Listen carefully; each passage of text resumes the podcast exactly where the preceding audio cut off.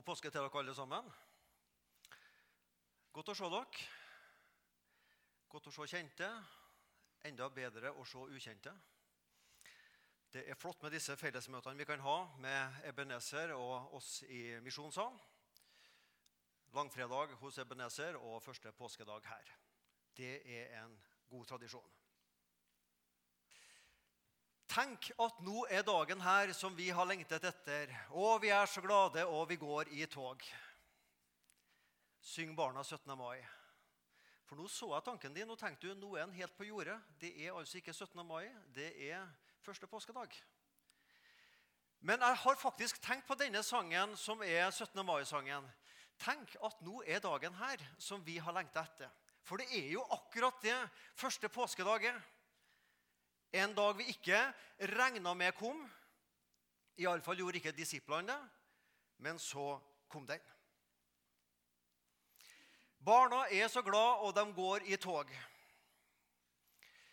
Og det gikk også et tog på første påskedag av noen kvinner som gikk til graven tidlig om morgenen. Ingen korps som spilte noen glade jubelsanger da. Jeg tror de var ganske trist og lei seg. Siden den gang har det gått et seierstog av millioner av kristne som har marsjert i oppstandelsestoget.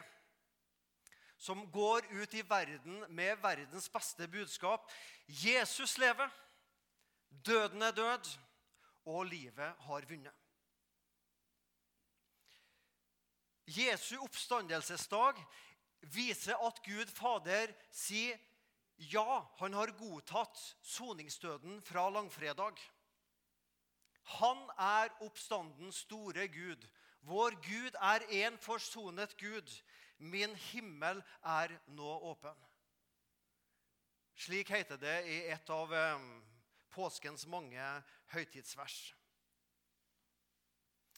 Ja, vi går i et århundre langt tog.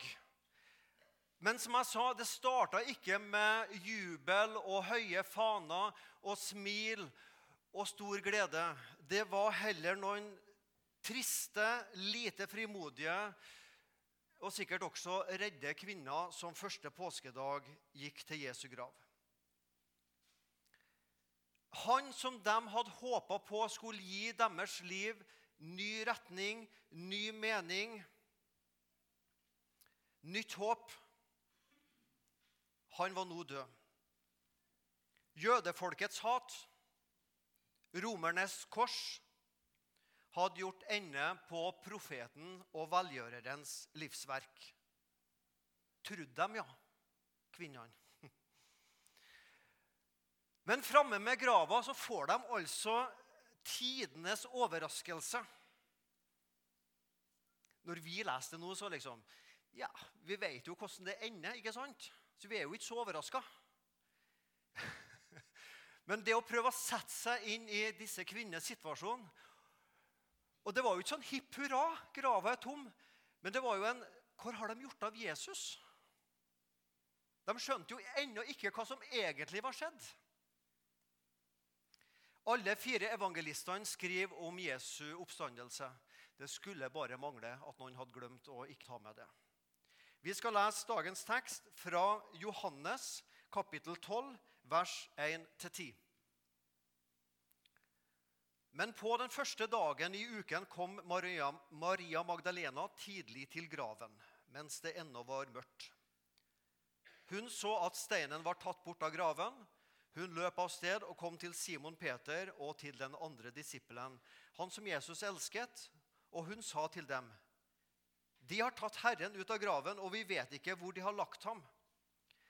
Peter og den andre disippelen gikk da av sted og kom til graven.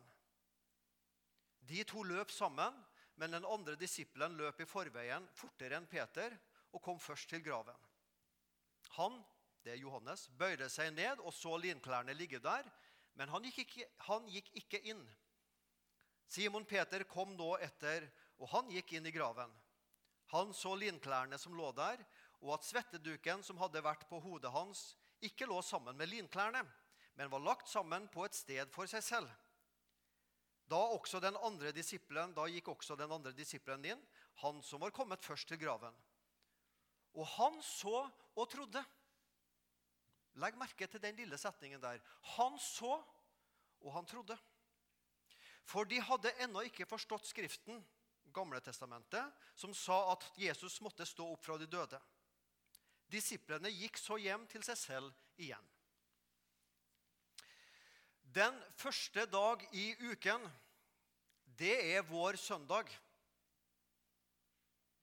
Med Jesus så starter en ny tidsrekning før og etter Kristus. Men det starter også en ny måte å markere ukedagene på. Søndagen var den første dagen i uka, men i din og min kalender så er mandag den første dagen i uka. Så de kristne gikk fra sabbaten, som var siste dag i uka, til søndagen som sin helligdag. Fordi Jesus sto opp, og fordi at Gud ga sin hellige ånd på søndagen. Som kristne gikk man fra en fast hviledag til en fast tilkoblingsdag. Vi er jo ikke her for å hvile, folkens, først og fremst. Vi er her for å koble oss til Guds kraft, oppstandelseskraften. Derfor feirer vi søndagen. Men det er godt å hvile òg, ja. Jeg skal innrømme det. Maria Magdalena kom tidlig til graven. Jeg vet ikke om de hadde klokke sånn som vi har den gangen, men antageligvis når sola står opp klokka seks om morgenen, så er hun og en del andre kvinner ved Jesu grav. Johannes her nevner bare Maria Magdalena. Matteus skriver om Maria Magdalena og den andre Maria, som er Jesu mor. Markus skriver om Maria Magdalena, Maria og Salome, mens Lukas skriver om Maria Magdalena, Johanna og Maria. Så i alle fall var det tre-fire, kanskje flere kvinner som gikk i dette sørgetoget til graven første påskedag. Det er kun Maria Magdalena som nevnes ved navn i alle fire evangeliene. Hun møter vi også andre ganger i evangeliene. Hun er ved Jesu kors. Og hun omtales som den Jesus hadde drevet sju onde ånder ut av. Urettmessig så har Maria Magdalena i ettertid blitt sett på som en synderinne som gjerne levde et utsvevende seksuelt liv. Men det står ikke i Bibelen. Det er noen som har feiltolka der. I alle fall, Maria Magdalena var en sentral skikkelse. Men jeg skal ikke stoppe mer med hun som sådan i dag.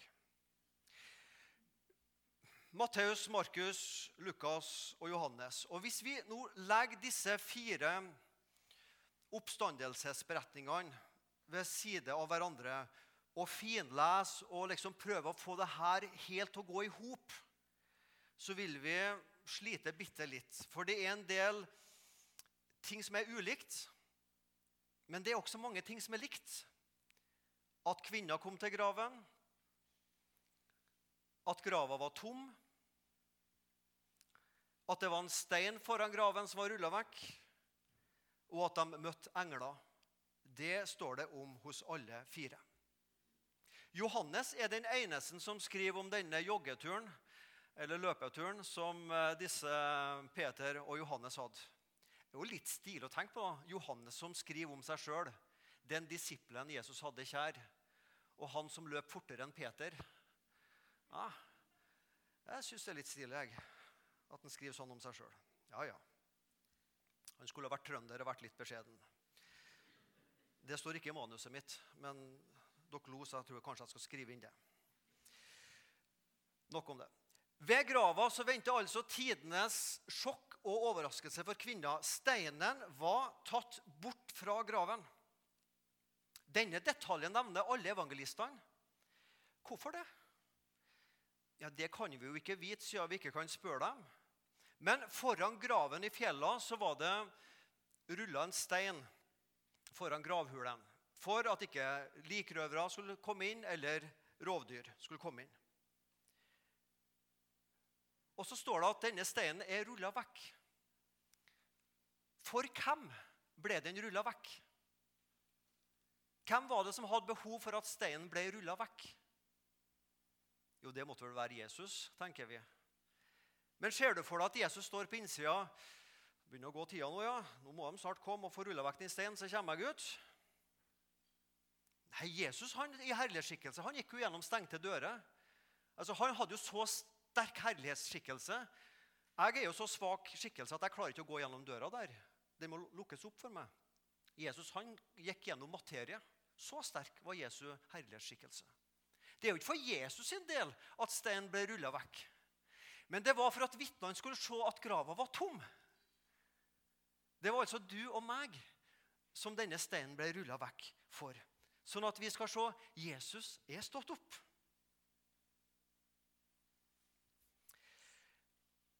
Maria hun springer til disiplene og til Peter og til Johannes. De har tatt Herren ut av graven, og vi vet ikke hvor de har lagt ham. Peter og den andre disippelen gikk da av sted og kom til graven. De har tatt Herren bort.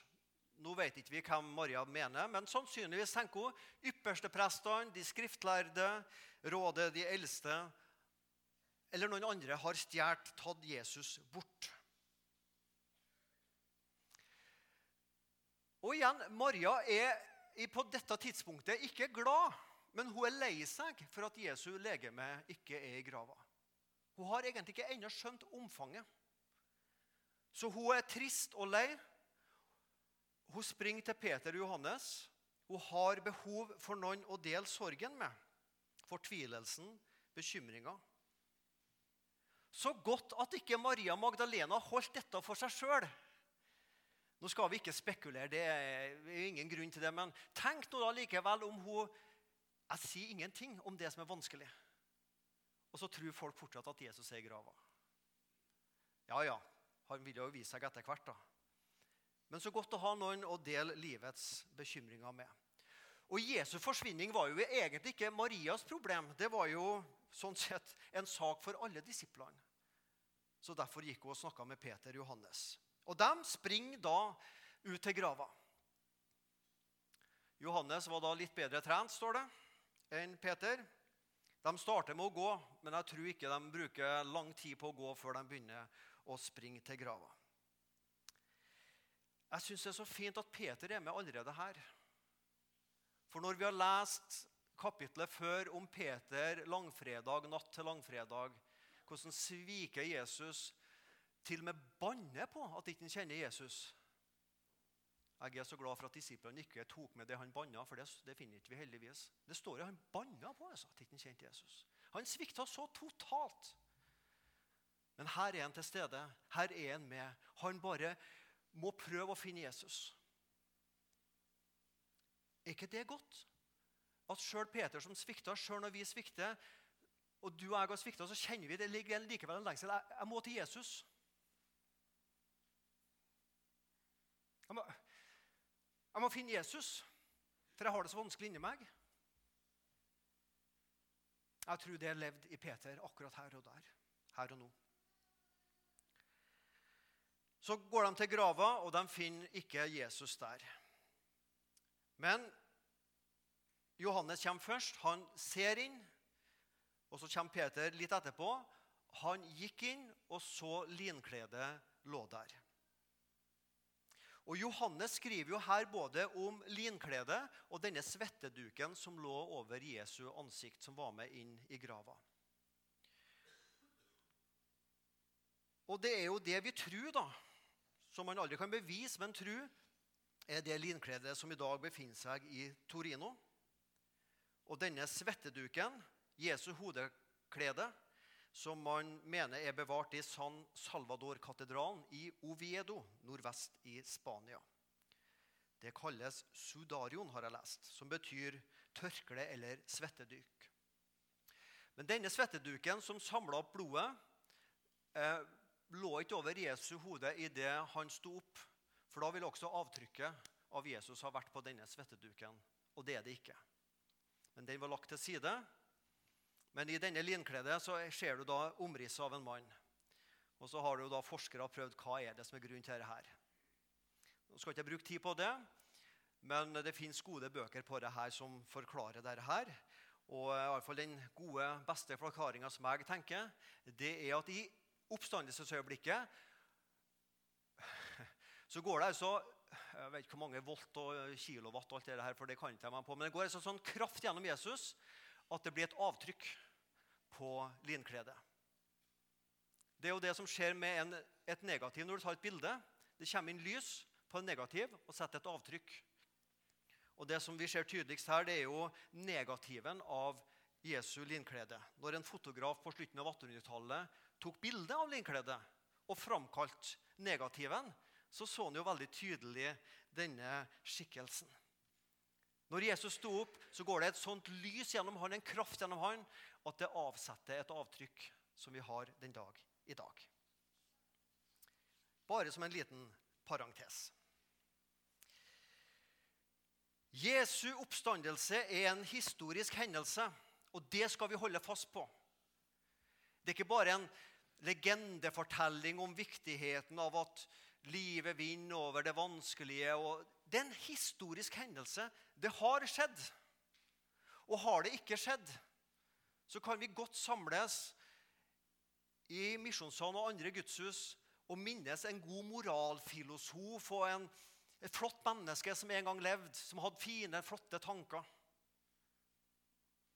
Men da er vi fremdeles i våre synder, hvis dette ikke har skjedd.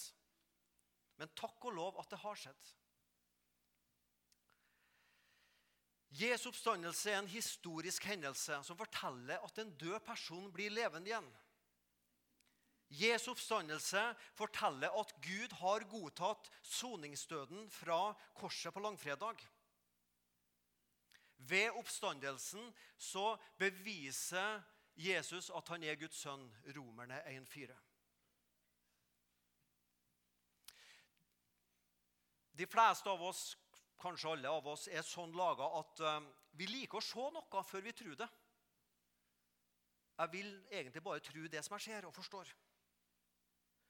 Og vi er naturlig nok og heldigvis skeptisk av natur. Det er flott å være skeptisk av natur, så vi ikke godtar alt som vi hører. Og i alle fall når vi hører at noen som har vært død, kommer tilbake til livet, da bør det jo våkne en viss skepsis i oss. ikke sant? For dødeoppvekkelser er jo definitivt brudd på naturlova. Jeg, mener at, Og her er vi ved kjernen og ved hovedpoenget hadde ikke vært helt unormalt at døde fra tid til annen oppstår.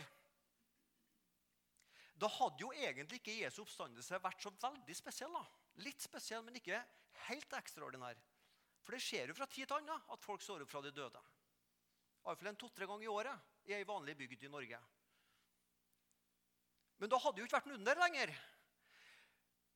Ja, men Det er jo det som er poenget. Folk står ikke opp fra de døde. Derfor er det et under at Jesus sto opp fra de døde. Og med Jesu oppstandelse fra de døde så kan døde stå opp. Og så var det noen lysglimt før Jesus sto opp. Vi leser om en tre-fire sånne i Nytestamentet også. Folk som ble vekka til live fordi Jesus var der. Jesu oppstandelse er undre over alle undre. Og det har til hensikt å skape tro. Johannes går inn. Han så, og han trodde. Peter og Johannes går inn og ser.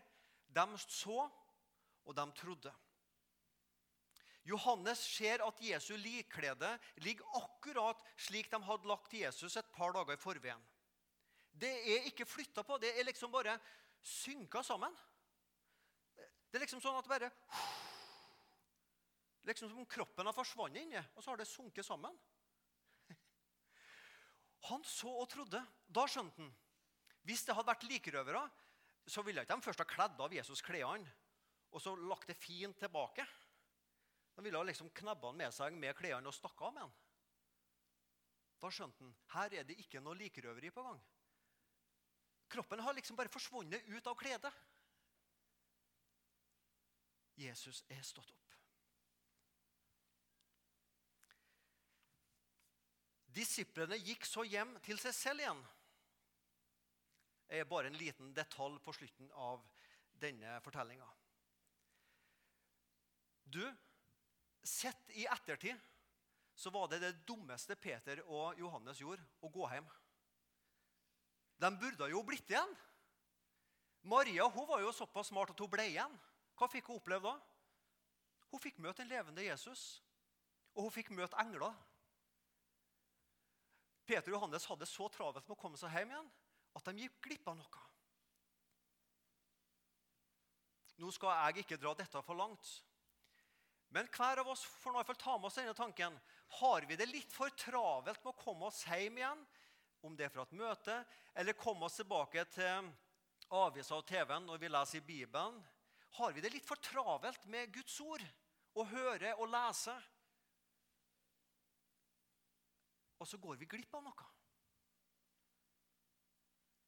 Ja, Maria Magdalena hun ble ved grava og fikk møte den levende Jesus Kristus. Ta deg tid til Guds ord, til bønn, til møter. Og når vi tar tid, om igjen, om igjen, uke etter uke, så vil Gud gjøre noe med troa vår. Helt sikkert.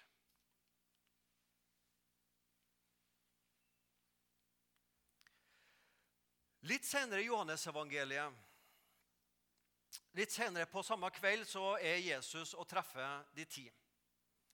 Vi satt for stengte dører. Hvor mange satt der? Vi sang i sangen 'Vi satt for stengte dører'. Og Så sang vi 'elleve menn i lag', og det er jo feil. Det var ti. Det var ikke elleve. Judas var død, og Thomas var en tur på Rema. og Det står ikke Rema, da, men han var en tur ut og handla eller gjorde et eller annet. Han var ikke der, iallfall. Jeg leser litt inn i moderne kontekst. vet du. Så det var ti menn som satt der. Og så er Thomas han er ikke der når Jesus er der. Kanskje hadde han det for travelt med å også komme seg bort, så han går glipp av et møte. Han var ikke der Jesus var. Og så vil han ikke tro. Og egentlig er jo det en mistillit til de vennene sine, de andre disiplene. Når ti andre sier 'Vi har sett Jesus, vi har snakka med ham', og så sier han 'Nei, det vil ikke jeg tro på'. Det er jo mistillit til de andre. Nå skal ikke jeg ta denne historien i detalj. Du har sikkert lest den, eller så kan du lese den da, som sagt, i Johannes kapittel 20. Men Thomas har for ettertida blitt kalt tvileren. Thomas tvileren. Litt urettferdig, for vi husker jo han best for at han kom til tro igjen. da. Det var jo bare en liten stund han var tviler, ei ukes tid. Men du og meg, hva passer best på oss? Er vi tvilende troende, eller er vi troende tvilende?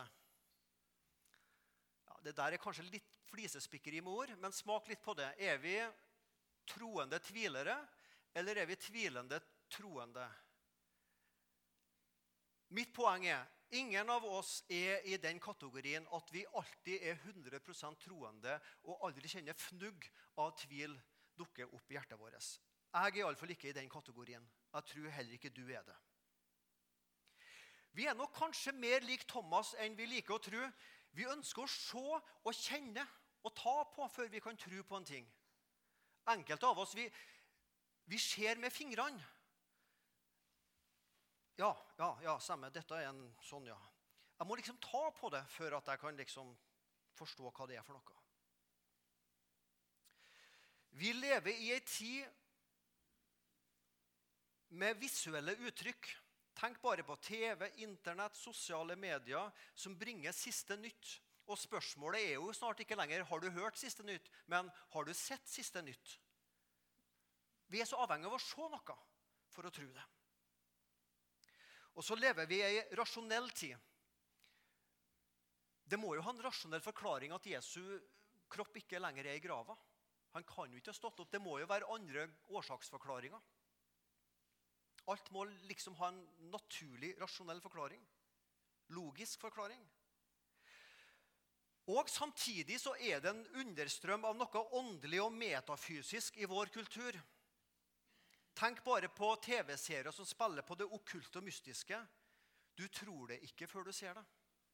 Du må liksom Ja, du tror det ikke før du ser det. Menneskets nysgjerrighet overfor en åndelig virkelighet. Som kristne vet vi at det fins en åndelig virkelighet. Og vi vet det fins en Guds kraft. Kan du og jeg, kan vi tro uten å se? Uten å ha fysiske eller synlige bevis for at Jesus finnes? At Jesus sto opp igjen fra de døde? For er det noen her som har møtt Jesus sånn på skikkelig? Sånn fysisk? Snakka med han? Nei. Men jeg tror de fleste bekjenner seg til Jesus. Du er troende, men du har ikke møtt Jesus og snakka med han. Sånn, i hvert fall sånn som vi kan snakke sammen etterpå. Et av de fineste bibelversene som jeg vet om, er dette. Thomas, fordi du har sett meg, tror du sal, Skal vi si det sammen? Salige er de som ikke ser og likevel tror. Det er din og min virkelighet. Vi kan ikke se, men vi kan likevel tro. Og da er vi salige. For vi tror øyenvitnene, det øyenvitnene skrev ned, og som har blitt forkynt i 2000 år, det tror jeg på. Jeg tror det er sant. Og da er vi salige. Er du klar over det? Det er du sikkert. At det viktigste i kristenlivet, det kan du ikke se. Syndenes tilgivelse kan du ikke se. Ja, Du kan kjenne det ja, på kroppen når du blir tilgitt. Det kan du av og til. Du kjenner bare 'Å, hvor godt det var'. Men du kan ikke se syndenes tilgivelse. Du kan ikke se at du er rettferdig for Gud. Du kan ikke se at du er Guds barn. Du kan ikke se håp om himmelen. Nei, det er jo nettopp derfor det er håp om himmelen. Det aller viktigste i kristenlivet, det er usynlig. Ham elsker dere enda dere ikke har kjent ham. Ham tror dere på enda dere nå ikke ser ham. 1. Peter 1,8. Men tro er full visshet om det en håper på, overbevisning om ting en ikke ser. Hebreerne 11,1. For vi vandrer i tro uten å se. 2. Korinterne 5,7. Men vi er likevel salige, for vi tror uten å se.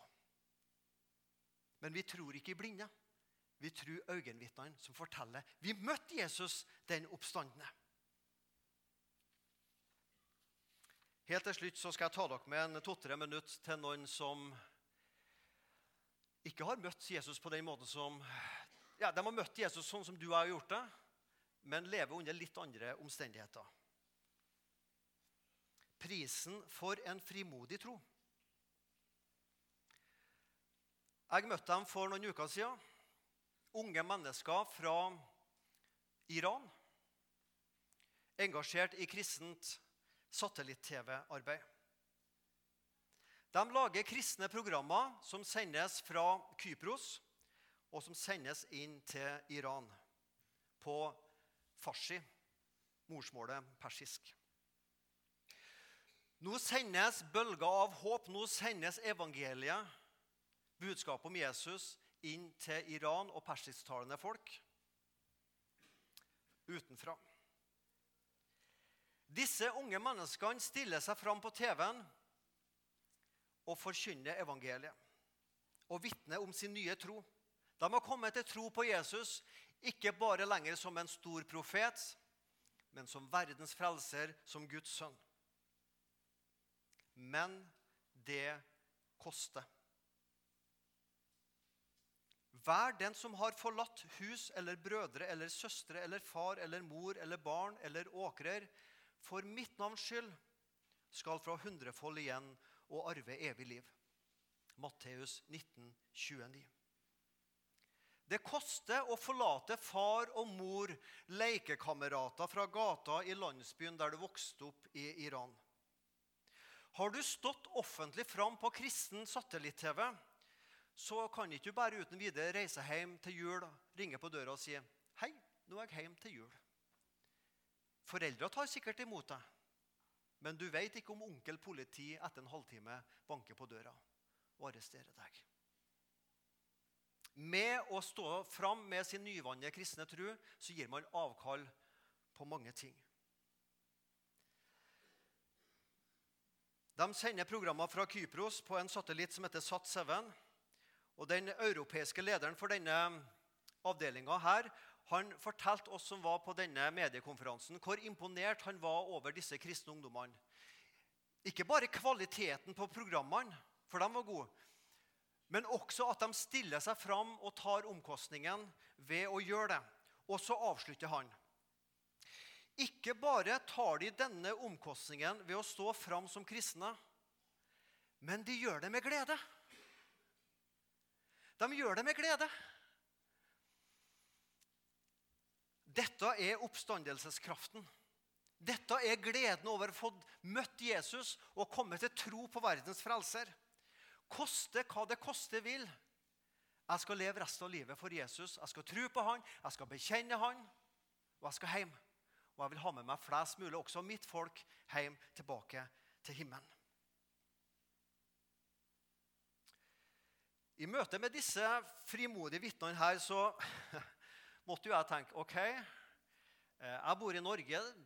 Det er ikke forbudt å samles i misjonssalen, og vi kan jo kringkaste ting som vi vil. Og til og med på statlig NRK så sendes jo Guds ord. Så, og så ja, Jeg og mange kristne kjenner vi liksom litt sånn småflau og skjemmes litt av og til over å kalle oss kristne. Hva er dette for noe, Svein, tenkte jeg. Sammenligna med disse, som stiller seg fram med glede. Sjøl om de vet omkostningene. Jeg har ikke svaret, men jeg tror noe av svaret er oppstandelseskraften. De har fått møtt denne oppstandelseskraften som virker i dem. Og jeg tror sjøl også jeg har møtt den. Det blod som Jesus ga for oss, det blod som gir meg frelse fra dag til dag, det skal aldri miste sin kraft, sang vi. Opp korsets kraft, det jeg ikke makta, det er gjort. Det jeg har synda, det er fullbrakt. Det kommer ikke an på min ufullkomne tro. Det kommer an på en fullkommen frelse. Mine gjerninger er ikke verdige, men evangeliet spør ikke om min verdighet. Det spør om Kristi verdighet. Det er korsets kraft. Det er evangeliet. Det er ikke størrelsen på min tro, det er ikke størrelsen og frimodigheten min som det kommer an på det kommer an på korset, på Gud, på Jesu soningsdød. Korsets kraft som kan sette meg og deg i et rett forhold til Gud. Som kan åpne himmelen og lukke fortapelser.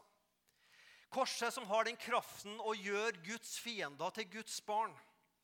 Korset som har denne kraften til å skape en villighet til å lide for troa på Jesus.